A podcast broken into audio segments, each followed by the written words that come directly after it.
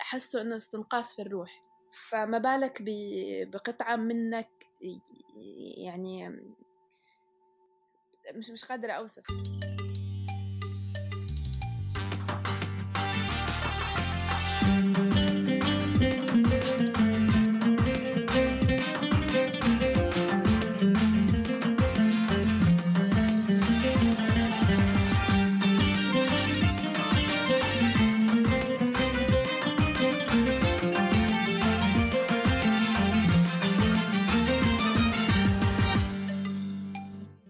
بودكاست يمنيون في المنفى. نشارك فيه قصص يمنيين في الخارج. يتحدثون عن تجاربهم ومعاناتهم في ظل صراع دولي ونفسي. كيف كان وضعهم وكيف خرجوا وإلى أين. تستطيع المشاركة في النقاشات على موقعنا للتواصل الاجتماعي انستغرام فيسبوك and تويتر على اسم Yemenis in Exile. وأيضا تقدروا تشوفوا الرسومات المتعلقة بالقصة وسنكون ممتنين جدا لكم بالمشاركة بالرأي على صفحاتنا وسماع الرأي الآخر لإيجاد ما هو مشترك والسعي نحو بناء فعال للسلام.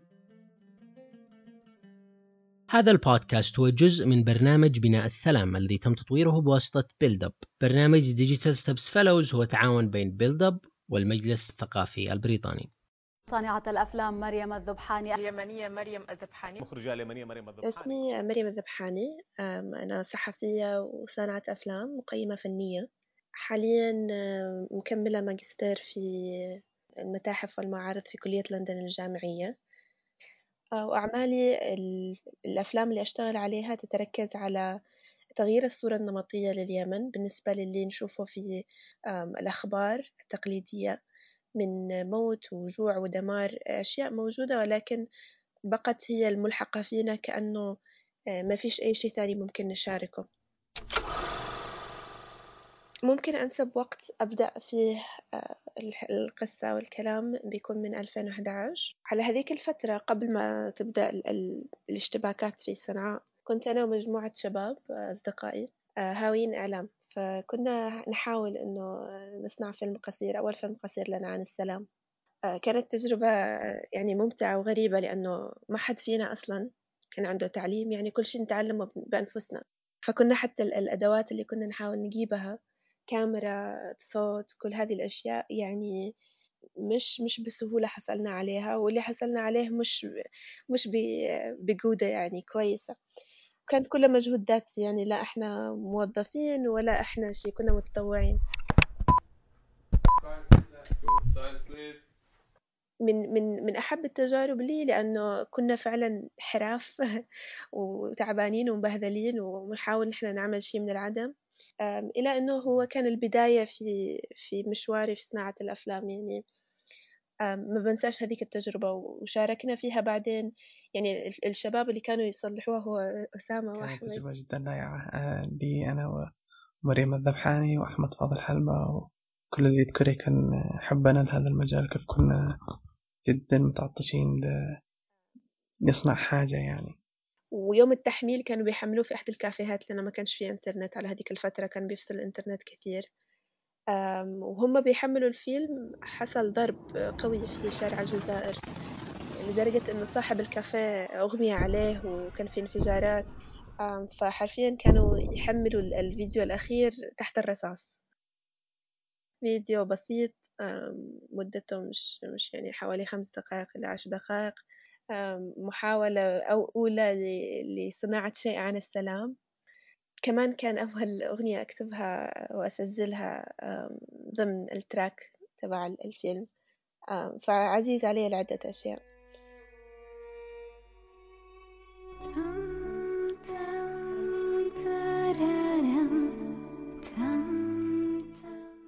كلماتي. أعرف أنك ستخلدين لأكثر من حياة. وأعلم أن لديك القدرة على التأثير في الآخرين. أنا حبي للإعلام يعني كان من قبل بس ما سمح ليش الفرصة إني أدرسها في اليمن بحكم إنه ما فيش تعليم كويس وبابا كان رافض علشاني يعني مش علشان شيء لأنه كمان التفكير القديم إنه طب وهندسة محاماة هذه الأشياء اللي بتخليك تعيش يعني بتعيشك. بينما الإعلام هو بس يعني وجه ينحط قدام التلفزيون وانتهى الموضوع. يعني ما فيش إثراء للمعلومات أو آه، للمهارات اللي المفروض تكون زي ما في مثلا في دول أخرى.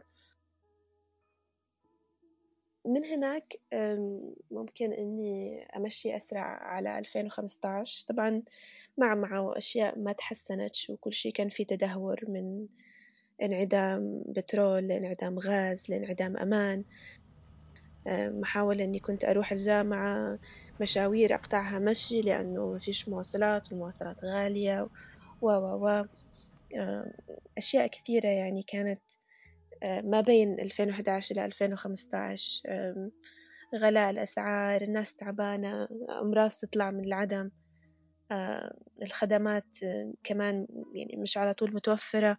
الناس مش كلها كانت قادرة إنه تتحمل تكاليف الطاقة الشمسية وإحنا من من ضمن الناس اللي من البداية ما كانش معنا طاقة شمسية فكان متعب إنه كيف كيف تمشي حالك؟ لا ماطور لا طاقة شمسية الأساسيات اللي أنت تحتاجها بتمشي على الكهرباء يعني رجعنا عصور لورا بنطبخ على الحطب ومش عارفين كيف يعني نمشي وقتنا يعني ضيق مش طبيعي ما تعرفش الأخبار تطلع تسمع انفجار هناك مش أمان هناك. إلين 2015 إلين بدأت الانفجارات في صنعاء. والانفجار أكثر شيء اللي هزنا وخلاص يعني اللي بالذات هزني أنا إنه استوعبت إنه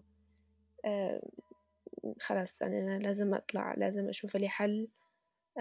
هو الانفجار في فرج عطان هذا اليوم كان يوما استثنائيا بانفجار غير مسبوق خلف الدمار الكبير في حي فج عطان انفجار هائل أصم مسامع سكان العاصمة وأدمى قلوب أبنائها.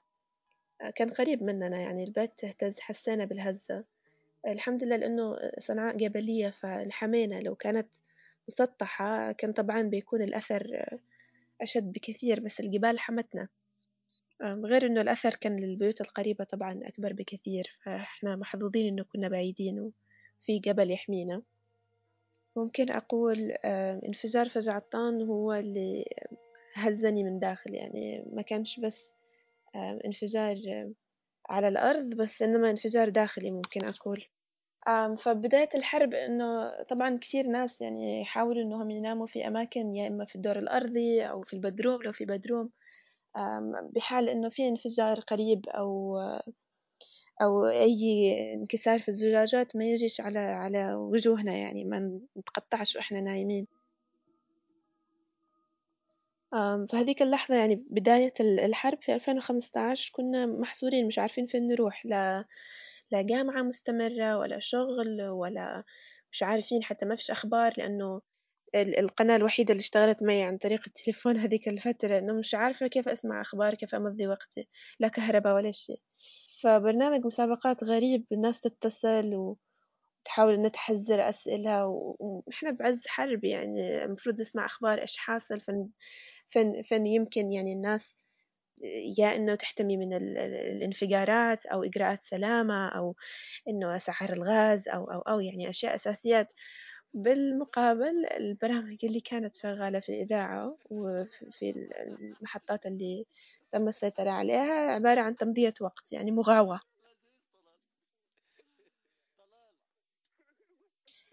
شيء يعني كان جدا موتر وما حد عارف إيش بيحصل ولا لا متى بتستمر.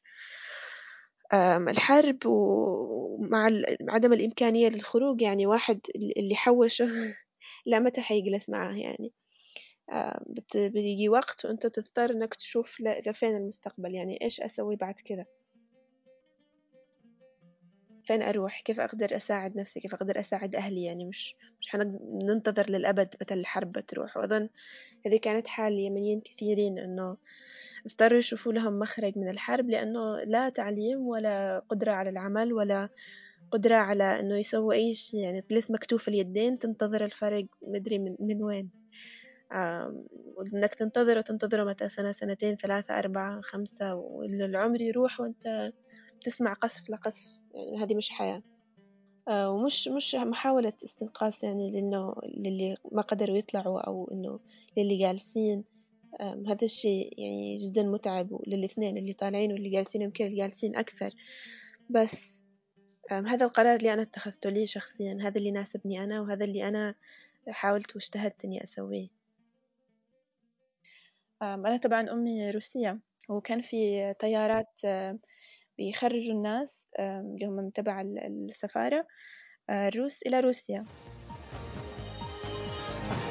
مزيد من البعثات الدبلوماسية الدولية تواصل رحيلها عن اليمن. قررت إنه خلاص أنا مسافرة. أي دولة مش مهم.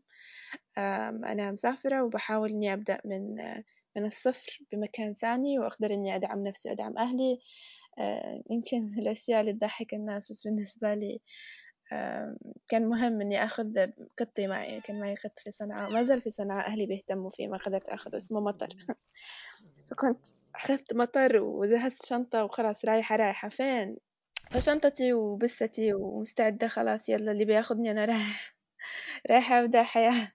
بمكان ما فيش انفجارات بمكان ما فيش كوابيس أو على الأقل كوابيس أقل يعني فبقول لي ماما خلينا نروح يعني. بتقول لي نروح فين؟ إحنا بيتنا وكل شيء وإخواني دراستهم بالعربي يعني. إيش نروح نعمل هناك؟ فين نروح هناك؟ ما بتسيبش بابا طبعا.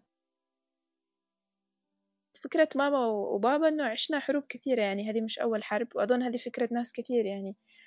إنه اليمن على خلال مئة سنة اللي راحت ما كناش مستقرين على طول في شي يحصل. فجيزها من جيز غيرها بتعدي ما حد كان عارف إنها بتطول كذا. مش عارفة يمكن لو لو أجت لها نفس ال أمين حتى اللي كانوا برا يعني من الجالية الروسية رجعوا كلهم. معظم اللي أعرفهم صحبات أمي أو اللي هم نص روسيين نص يمنيين كلهم رجعوا رجعوا اليمن. بالأخير يعني أنت لما تبني بيت وتبني حياة في مكان صعب إنك تسيبه حتى لو سبته مؤقتا يعني. الناس كلها رجعت. أعرف ناس كانوا عالقين في مصر كمان في الأردن كلهم رجعوا. فين يروحوا؟ يعني كم من بتقدر تعيش برا على متى هذا الشيء متفهم متفهم جدا. فقلت لها خلاص أنا بروح. لما جهزت شنطتي وبستي قلت لها خلاص أنا بروح أو ستارت أوفر وبشوف يعني من فين نقدر نبدأ من هناك. عم عمي في في موسكو يعني بحاول إنه يا أجلس عندهم يا أشوف شيء. مع إنه الظروف سيئة في كل مكان يعني للأسف. بس هذه كانت الفكرة الأولى لما جهزت شنطتي إنه أنا رايحة مع الطيارة هذه. بتقو بتقو ما بتقوش أنا بشوف لنا حل من نفسي.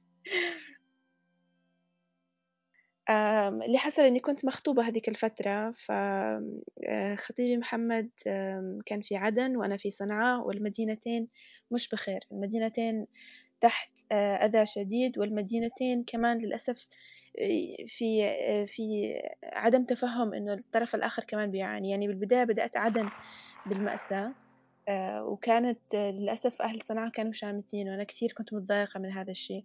وبعدين في صنعاء لما تم ما تم صار إنه لا هذا لأنه هم أذونا في البداية. ف مش الكل طبعا بس للأسف هذا الشيء كان طبقة أخرى من التفصلة اللي الشعب يمكن ما كانش مركز فيها إنه هذا بالأخير فرق تسد. يعني ما زالت امتداد للتفكير الاستعماري وتم فيما بعد استخدامها سياسيا قبل الفصائل المختلفة يعني مش حابة أدخل أكثر بالسياسة بس تفكير إنه إحنا على طول مفرقين إحنا على طول يا نكره في بعض أو نشمت في بعض. هذا اللي مفككنا للآن يعني. ما زلنا في تفكك أكثر لأنه كل كل اختلاف بسيط مرفوض. عموما على هذيك الفترة خطيبي قبل في جامعة في قطر. وأنا عن طريق مجموعتي كنا نشتغل أفلام قصيرة بعد فيلم السلام طبعا. فكل ما لقينا فرصة اشتغلنا شيء. اشتغلنا أول فيديو طباشيري في الشرق الأوسط.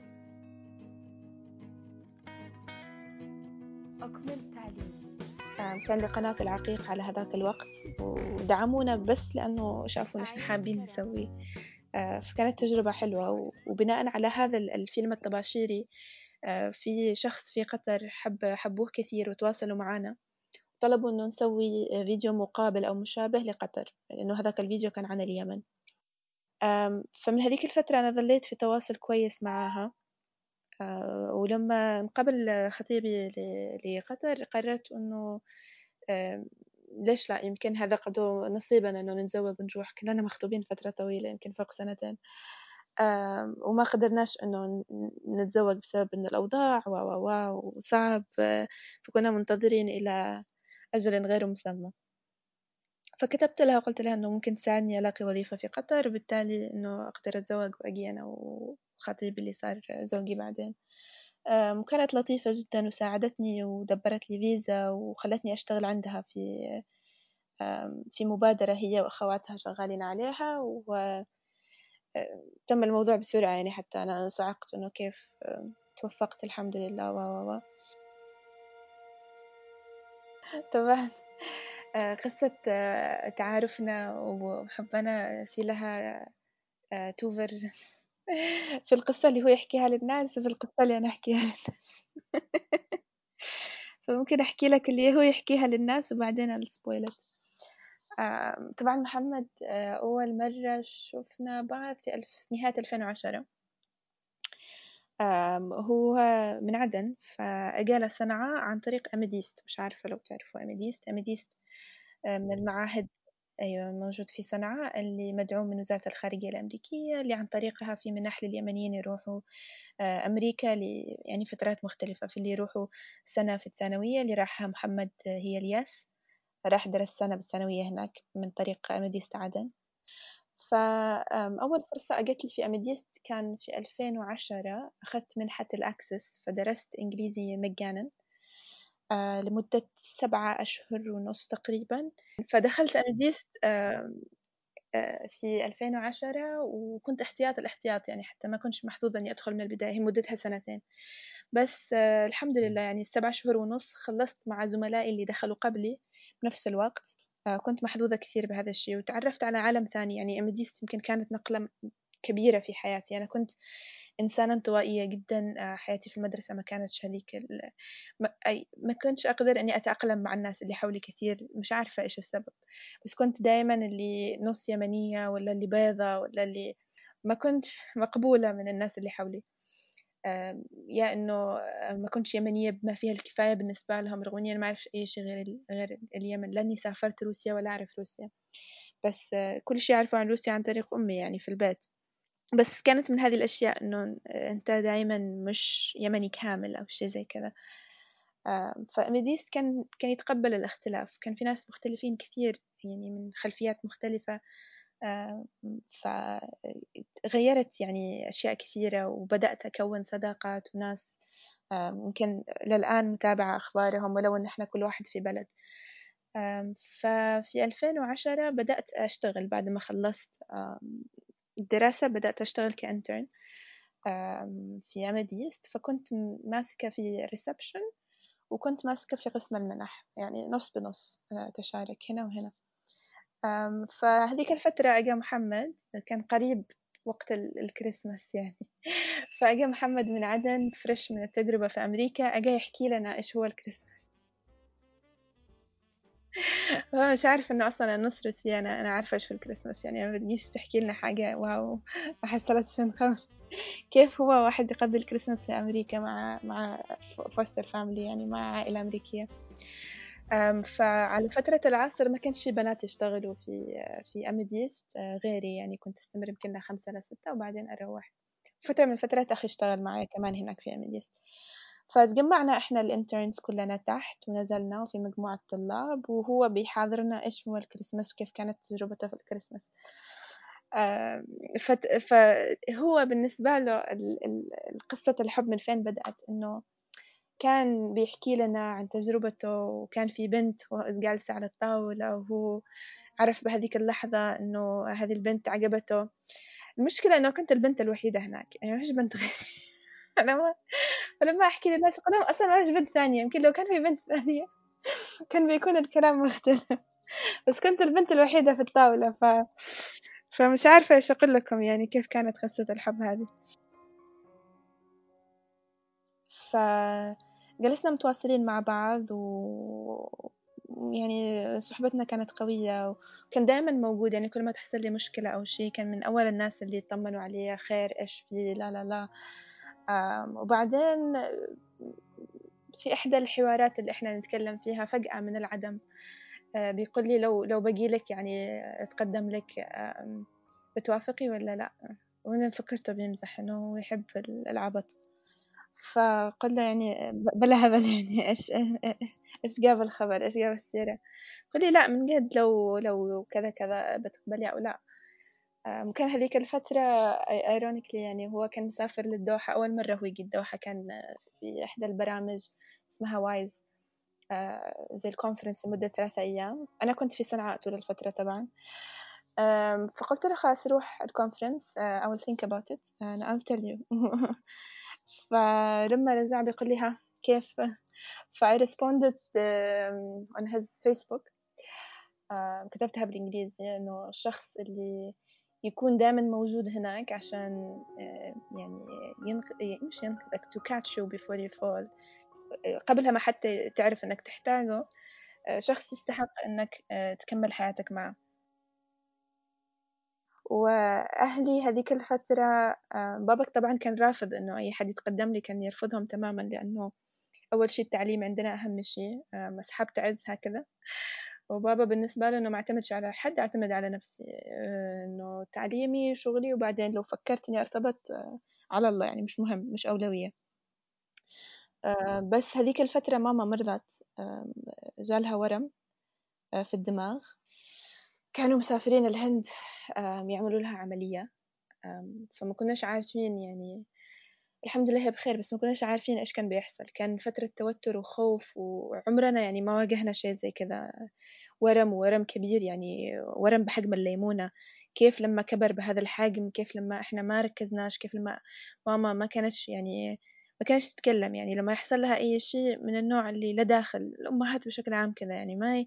ما يقولوش في شيء وقعهم ولا. فكيف لما سنتين وهي كذا على هذه الحال لما اكتشفنا إنه في ورم و... وبتروح تعمل عملية. هذيك اللحظة بابا وماما ركزوا إنه يمكن لازم لازم يوافقوا على حد يعني ما فيش حد بيدوم لحد و... وإذا هي وإذا هي حابة هذا الشخص وهي اللي يعني قالت لنا عليه خلاص إحنا بنقول أيوة بس إنه بنثق بحكمها يعني. فوافقوا على محمد من كلامي أنا مش مش من أي شيء ثاني يعني. وقبل ما تسافر العملية أعطتني خاتمها خاتم زواجهم. اللي للآن طبعا ألبسه على طول. فمن الأشياء العزيزة على قلبي يعني يمكن أحبه أكثر من خاتم زواجي أنا. ف دائما مصاحب لي يعني بحس إنه ماما معي. فهذا هذه هي قصة حبنا. خلاص جهزنا لعرس صغير يعني أهله وأهلي فقط وثلاث صديقاتي في وسط القصف طبعا في فندق مغلق بس صاحب الفندق صديق فساعدني وفتح الفندق لأنه يجوا الناس من عدن. إجوا السيارة مخرمة من الرصاص من أيام القصف اللي كان يحصل في عدن. جايين مع كمية بترول عشان يقدروا يجوا جايين بر خطيبي هو اللي ساقهم. على عرس صغير يعني ما كانش كان التجهيز خلال أسبوع فيعني كل شيء حي الله كذا. بس قصدك إنه يعني احتفال بسيط وخلاص ونمشيها. فما كانش ما كانش مبهرج ولا كان ولا كان فيه أي أشكال من أشكال الأعراس التقليدية في اليمن. طبعا يعني إنه الفكرة أنا عمري ما كنت أشتي عرس كبير أصلا ولا بؤمن بالأعراس الكبيرة والبذخ و و بس يعني ما كنتش أشتيه كذا مكركب. تخيل إنه حتى التورتة كانت الله لا وراك المصورة جلست تبهدل فيني إنه أنا ضعيفة وشكلي شمات وإيش ذا؟ يعني أشياء كثيرة كانت مش مش المفروض تحصل. مش بغض النظر كان كان الاحتفال صغير أو كبير. طبعا كنت أتمنى إنه يعني أعزم ناس أكثر أعز لي يعني مش مش خمسة أشخاص أو ستة أشخاص ولا ثلاثمية ولا ألف شخص. شيء بالنص يعني شيء بالمعقول. بس كان الوضع مأساوي يعني مش قادرة إيش أقول. ولا بتمنى يوم زي كذا يعني لأي حد لا قريب ولا بعيد يعني كان جدا مأساوي.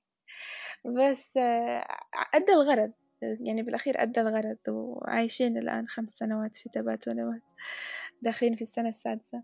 فالحمد لله يعني فيش مشكلة. كثير ناس يعني ما قدروش إنهم حتى يسووا هذا الشيء البسيط ما قدروش إنهم يحتفلوا احتفالية بسيطة. فالحمد لله يعني الحمد لله على كل حال.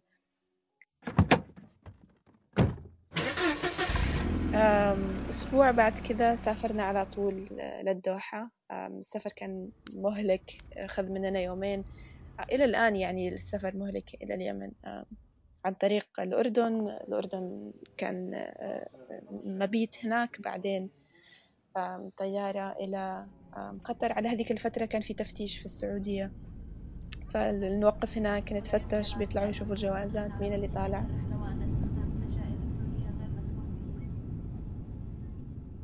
فعلى بال ما وصلنا نوصل على بلد حر حر أنا مش متعودة عليها.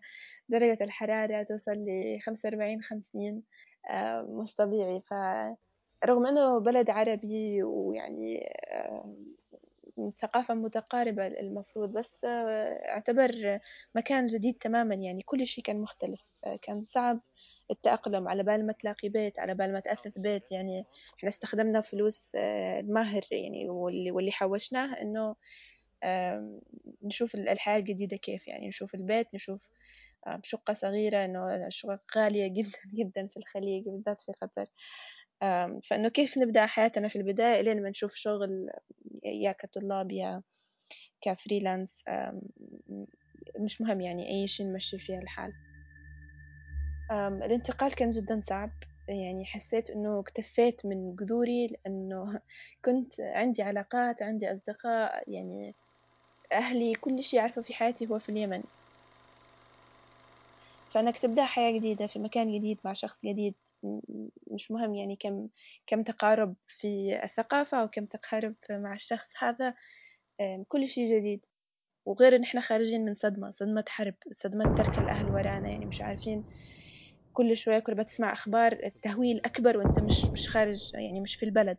كل ما تتصل طبعا بيقولوا لك كل شيء تمام وإحنا بخير آه هذا ال ال الطبيعي اللي بيشاركوك لأنه مستحيل إنه يخوفوك. فالوسوسة تكون أكبر بكثير وأنت مش مش مش في البلد. وبالمقابل عندك كهرباء عندك تكييف حتى لو كانت درجة الحرارة كمان كانت عندك تلفزيون شغال على طول تشحن تليفونك بأي وقت ماء متوفر من غير ما أنك يعني تهم متى بتجيب الوايت الثاني ولا متى محتاج تقتصد بالماء. غاز موجود بترول رخيص. حياة مختلفة تماما. تحاول أنك يعني تنبسط إنك خرجت وإنك بتبدأ حياتك من جديد وبنفس الوقت. الذنب هذاك المتعشعش فيك إنه من أنت عشان تطلع وغيرك مش طالعين من أنت عشان تستمتع بهذه الأشياء وأهلك مش مش بنفس الخط يعني. آه ستة أشهر من بعد ما وصلت الدوحة آه بدأت الشغل كذا اضطريت إني أوقف. آه حصلت لي ظروف صحية و ما كانتش الأمور بسلاسة زي ما حد يتوقع يعني بس إنك تخرج من اليمن خلاص كل شيء بيصبر بس الواقع مختلف جدا يعني. آه، صعب إنك تتأقلم في محيط جديد صعب إنك تبني نفسك من الصفر. آه، بالذات لما تخرج من مكان فيه زي الصدمة اللي زي حرب ولا مآسي وما إلى ذلك. فكانت يعني مرحلة يأس يمكن تقول خلاص اقتنعت إنه الدوحة مش مكان لي يعني ما بقدرش أبني نفسي هنا والحل الوحيد إني أرجع اليمن يعني. بس اللي حصل إنه محمد ما ما خلانيش يعني أستسلم وأصر إني أقدم على الجامعة جامعة نورث ويسترن في قطر في المدينة التعليمية في الدوحة. ففرصة إني أدرس في جامعة أمريكية تعتبر من أفضل عشرين جامعة في العالم في بالنسبة للإعلام.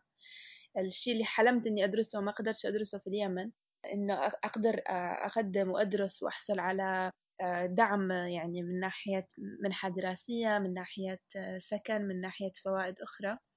كان شيء حفزني وزي أعاد لي الحياة يعني عاد لي شوية أمل إنه لا الخرجة هذه فيها فيها خير بس واحد يصبر ويتحمل. يعني معلش أول سنة ما كانتش موفقة بس السنوات اللي بعدها مش إنهم صاروا أسهل ولكن صار في خطة مستقبلية. إنه أنا بتحمل وبجلس بخرج بشهادة بخرج يمكن بشهادتين. يعني الآن أحاول أخلص الماجستير كمان. بهذيك الفترة إحنا من غير أي تخطيط طبعا يعني تحصل عرفت حتى بالصدفة ما كنتش ما كنتش يعني من كثرة زحمة الأشياء اللي كانت تحصل ما كنتش مستوعبة إنه آه، إني حملت وكان تقريبا مدة شهرين. هذيك الفترة يعني الحمل بعد فترة بسيطة اكتشفت إنه إنه تم تم الإجهاض. مش عارفين إيش السبب وإنما آه، حصل ربك جاب وربك أخذ. ف يعني كنت صحتي النفسية والجسدية مش كويسة إنه أقدر أخذ امتحانات وأقدم على جامعة بنفس الوقت وأشوف نفسي إيش إيش بيحصل يعني إيش الخلل اللي حصل. وإقامتي كانت من غير تغطية صحية يعني ما كنتش حتى أقدر أحصل على خدمات صحية هذيك الوقت. ف يعني كانت مرحلة كوي صعبة. أشياء يعني أمر فيها لأول مرة أشياء يمكن كثير نساء ما يتكلموش فيها. أنا حتى لأنه في الغربة ما حبيتش إني أكلم أمي وأقلقها أنا بعرف إنها بتقلق وبتسأل إيش فيه وأنا مش عارفة من نفسي إيش اللي بيحصل. ففي هذاك خضم الأمور إنك في في واقع إنه خلاص اللي بعده اللي بعده. آه، عادي جيب اللي بعده كأنه شيء يستبدل. يمكن مش مش قصدهم إنه آه، بهذا الأسلوب بس تصغير الأمور هذه إنه عادي ما حصلش حاجة قربوا مرة ثانية ولا هذه روح راحت. وصعب إنك توصل للناس إنه إحنا أصلا ما كناش مخططين للوضع. إحنا معنا أشياء ثانية الآن نملي نفسنا فيها. صعب إنك تجيب طفل وتصرف عليه في دولة غالية يعني زي زي دول الخليج آه، من غير ما يكون عندك شهادة واستقرار. و فكيف توصل هذا الشيء مثلا عمتي ولا أهلي ولا كل مرة تتصل فيهم يلا متى متى إيش يعني هو الموضوع مش حتى يعني القطة ما تقدرش تستبدلها بقطة ثانية هذه روح كمان. يعني مش مش تخسر شيء وتعوضه بشيء ثاني بهذا الأسلوب. أحسه إنه استنقاص في الروح. فما بالك بقطعة منك يعني مش مش قادرة أوصف. يعني شيء شيء مؤلم جدا. غير الألم الجسدي الألم النفسي. هذه قطعة روح خلقت فيك وراحت. فرغم كل اللخبطة هذه الجامعة تفهمت وعطوني استثناءات يعني ما توقعت إني أحصل عليها. آه، مساعدوني في كل شيء يعني حتى مسؤولة تقديم القبول الطلاب للجامعة من كثر ما يعني ربي يسرها لي كملاك ممكن أقول أخذت ملفي وهذه البنت حتدخل جامعة حتدخل جامعة. يعني ما فيش ما فيش الظروف اللي واجهتها بتمنعها إنها آه، تكون معنا طالبة. يعني على قد ما في عقبة على قد ما في شخص يؤمن فيك ويساعدك لله في لله يعني من غير أي شيء. فالفكرة كانت إنه محمد كان سندي وكنت سنده فوقفنا مع بعض و... وعلى الحلوة والمرة يعني إلين ما حبة حبة وصلت لي الفرصة إني أدرس مع مؤسسة الدوحة للأفلام وأخذ معهم ورشة ورشة عمل في صناعة الأفلام الوثائقية. كانت أول مرة أشتغل على فيلم وثائقي وأول مرة أخرج فيلم. والفكرة كانت إنه بدخل وبتكلم عن اليمنيين في الدوحة اللي هم أنا ومحمد ومجموعة أصدقاء لنا هنا في مغتربين في الدوحة يمنيين. تجمعنا على هذا المفهوم إنه بعدنا عن اليمن. اللي أصلا ولدوا وتربوا خارج اليمن هم يمنيين ما يعرفوش إيش هي ما يعرفوش حتى إيش يحددوا إيش هو الوطن بالنسبة لهم غير ما يشوفوها من زيارة واحدة زيارتين أو من الصور أو من كلام أهلهم في البيت. والناس اللي خرجوا وسط الحرب. وما إلى ذلك يعني هذا اللي جمعنا يمنيين في في الدوحة. فدخلت بهذا المبدأ. أنا بتكلم وبشرح الفيلم عن اليمنيين في الدوحة ومعاناتنا في الغربة في الورشة نفسها آه، اكتشفت أنه تم التعمق في كل شيء ووصلت لفكرة أنه بدل مجموعة يمنيين صارت عني أنا وصارت عن الأشياء اللي حصلت معي أنا. تقريبا إلى السنة الثالثة إلين ما بدأت أخرج أفلام وثائقية إني عرفت أتعامل مع هذه التراكمات اللي أنا مخبياها من من سنين يعني من بداية الحرب إلين ما جينا الدوحة إلين ما الظروف ما كانتش مساندة لنا على طول. مش عارفة لو لو شفتوا فيلم مجرد ذكرى هو بيكون متوفر أونلاين لفترة بسيطة قريب عن طريق مؤسسة الدوحة للأفلام. هلو كيف حالكم؟ آه، شفت الأخبار الآن. كل شي تمام؟ وكيف عم أحمد؟ هم بعيد؟ ف أتمنى إنه الناس تقدر تشوفه وممكن إنها يعني تحس فيه بالذات الناس اللي بالغربة لأنه يتكلم عن معاناة أشخاص عاشوا الحرب وخرجوا منها ولكن أخذوا الحرب معاهم. آه، والتراكمات النفسية وفقدان الوطن فقدان الأمومة آه، فقدان أشياء كثيرة بالإضافة إلى آه، الكوابيس اللي تلاحقك. يعني حتى لو أنت مبتسم وبخير وقدام الناس تروح العمل أو تروح الدراسة أو تحاول تشوف حياتك في الليل لما تنام الكوابيس تظهر مرة ثانية. يعني أشياء ما بتسيبكش. فحاولت إني أخلي هذه الكوابيس مرئية واستخدمت البروجيكتور فإنه كيف أخرج الأشياء اللي في رأسي كيف أخرج الصور عن الحرب. مش بس يعني هو كان مرادي يعني بالأخير من الورشة إنه هذا الشيء أوريه لجمهور غربي لأنه في بالي إنه اليمني عارف هذا الشيء إحنا مرينا بهذه الظروف. فبيظل مكرر يعني ليش ليش يكون هذا الجمهور يمني؟ بيكون طبعا جمهور غربي. ما استوعبتش أهمية هذا الشيء للجمهور اليمني أو العربي اللي كمان مروا بأمور مشابهة مثلا ناس من لبنان مروا بحروب أو ناس في سوريا أو, أو العراق أو ما إلى ذلك إلا يوم العرض الأول في أجيال. وأنا ومحمد نتفرج في قاعة كبيرة مليانة ناس وماسكين يدات بعض ونبكي ومتأثرين وفي بالي إنه يا رب إحنا مش الوحيدين اللي تأثرنا يعني عملنا الفيلم وكمان متأثرين فيه منظرنا زبالة. فأول ما خلص الفيلم كان آخر فيلم يعرض. أول ما خلص الفيلم الناس وقفوا واللي جو حضنونا واللي بيبكوا واللي استوعبت قوة وأهمية سرد القصص. قوة وأهمية أنك تتكلم عن شيء شخصي عن شيء مؤلم عن شيء كثير ناس يتفادوه. طبعا مجرد ذكرى أول فيلم يمني يدخل في أجيال وأول فيلم يمني يفوز بجائزة أجيال. فكان فخر لدعمهم وفخر ل... إنه لقيت لقيت الآن كيف أقدر أساعد. ما بقدرش أكون شيء غير صوت فليش ليش ما أمدش الصوت هذا لقصص أخرى. آه، وهنا يعني بدأ المشوار لفيلم في المنتصف ووصلنا لقصة علي. وأنا كنت آه، مش موجود يعني أثناء الحرب. أنا كنت ضمن اللي قاتلوا اللي هي قصة شاب يمني. وجد نفسه عالق بين دائرة مفرغة في نقطة تفتيش بدل ما يكون مهندس معماري خريج له أربع سنوات متفوق من أوائل على على دفعته. آه، ولكن حاله كحال يمنيين كثير. بدل ما يكونوا قادرين على البناء كل اللي قادرين يسووه إنه يمسكوا سلاح. وهذه هذا الشيء مغفول عنه في في وسائل الإعلام التقليدية في الأخبار. مغفول عن شريحة الشباب مغفول عن قصص كثيرة المفروض إنها تورينا كإنسانيين أو كناس. بالمقابل إحنا بقينا أرقام ومجاعة وجلد على عظم وكوليرا وتخلف.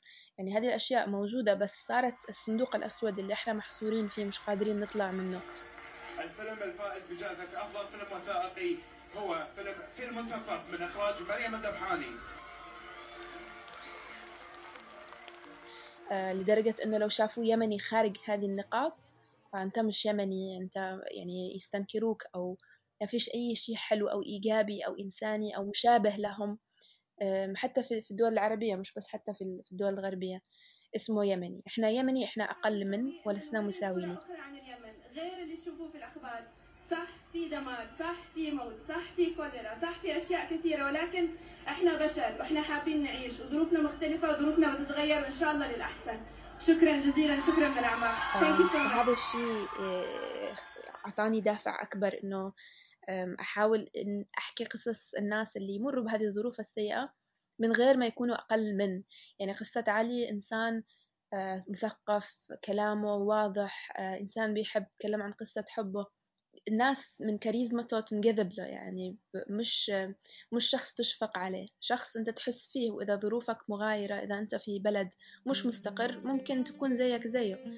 فهذه هي الفكرة إنه إحنا بشر زينا زي العالم. يعني إحنا مش مختلفين عن الناس اللي في كندا ولا أوروبا ولا أمريكا ولا أي دول أخرى. إحنا ظروفنا سيئة وهذه الظروف مؤقتة. وزي أي دولة ثانية مرت بظروف سيئة أو ظروف مؤقتة إحنا بنتخطى هذه المرحلة يعني آجلا أو أو عاجلا أم آجلا يعني.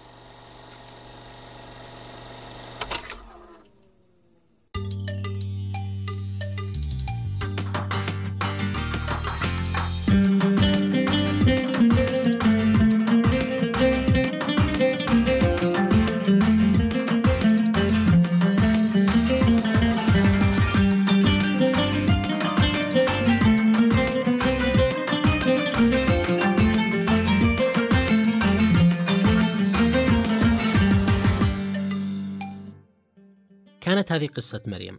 وإذا معكم قصة حابين تشاركوها أو تعرفوا حد معه قصة تستحق المشاركة تقدروا تتواصلوا معنا عبر صفحاتنا في المواقع التواصل الاجتماعي. وحيرد عليكم واحد مننا أنا أو نبيل.